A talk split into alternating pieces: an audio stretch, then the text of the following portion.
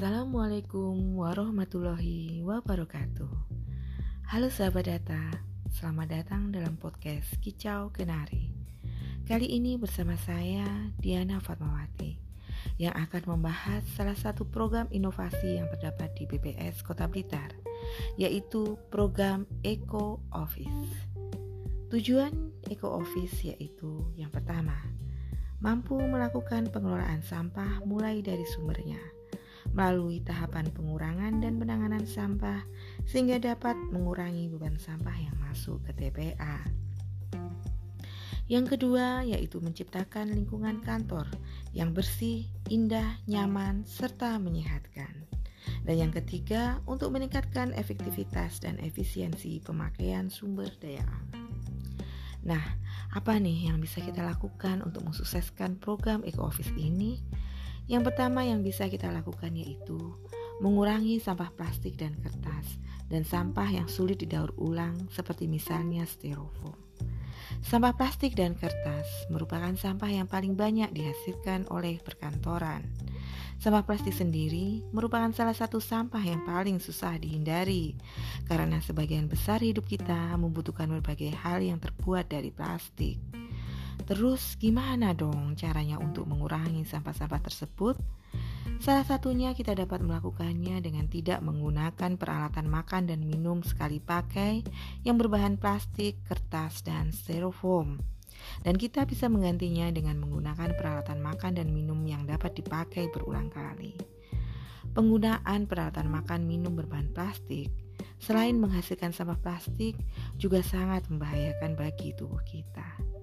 Selanjutnya, kita juga dapat mengurangi sampah plastik dengan mengurangi pemakaian kantong plastik. Dapat kita ganti dengan kantong belanja guna ulang. Untuk mengurangi sampah kertas, dapat kita lakukan dengan melakukan penyempurnaan dan pemeriksaan berulang kali atas konsep naskah dinas sebelum kita lakukan pencetakan atau kita print. Selain itu, kita dapat melakukan penyebaran informasi melalui media elektronik. Selanjutnya, kita dapat memanfaatkan kedua sisi kertas, sehingga dengan begitu kita dapat mengurangi sampah kertas yang kita hasilkan. Selanjutnya, yang kedua yaitu melakukan penghematan listrik. Masih banyak yang beranggapan listrik di gedung kantor dapat digunakan sebebas mungkin karena dibayarkan menggunakan uang milik kantor. Padahal, anggaran untuk operasional kantor tidak unlimited atau bisa dibilang cukup terbatas. Demikian juga dengan sumber daya alam yang digunakan untuk menghasilkan listrik, suatu saat akan habis juga. Untuk itu, kita harus menghemat listrik di mana pun kita berada. Lalu, bagaimana caranya? Tentu saja kita bisa melakukan dengan hal-hal yang sederhana. Misalkan, mematikan lampu di dalam ruangan yang tidak digunakan, mematikan peralatan elektronik yang sudah tidak dipakai, menggunakan lampu LED, dan membuka tirai jendela untuk penerang alami. Selanjutnya, kita dapat melakukan penghematan penggunaan air dengan mematikan keran air apabila tidak digunakan, dan melaporkan apabila terjadi kerusakan sarana dan prasarana air bersih. Selanjutnya yang dapat kita lakukan dalam rangka mensukseskan eco office yaitu menjaga kebersihan dan kerapian di lingkungan kerja. Kenyamanan di saat kita bekerja salah satunya ditentukan dari kebersihan dan kerapian dari kantor kita Begitu pula dengan kenyamanan yang dirasakan oleh pengunjung kantor kita. Bagaimana caranya kita dalam menjaga kebersihan dan kerapian di lingkungan kantor? Jadi, begini.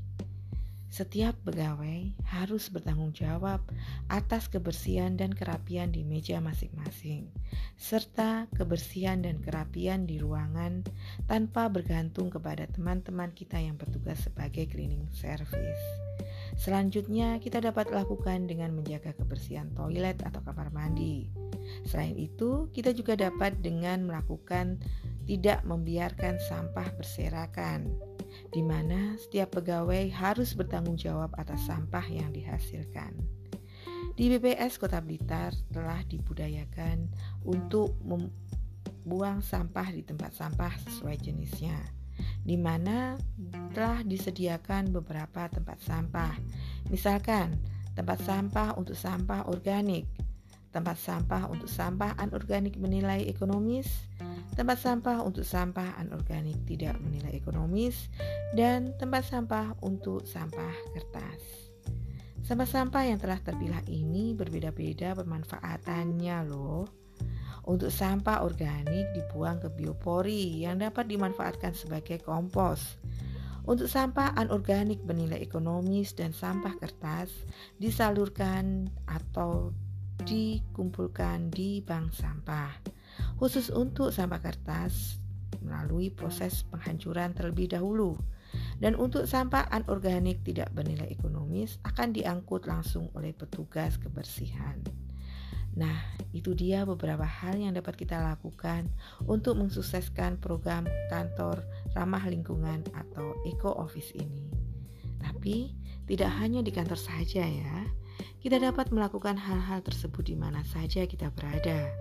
Jaga lingkungan kita untuk masa depan yang lebih cerah. Saya undur diri. Terima kasih dan sampai jumpa. Wassalamualaikum warahmatullahi wabarakatuh.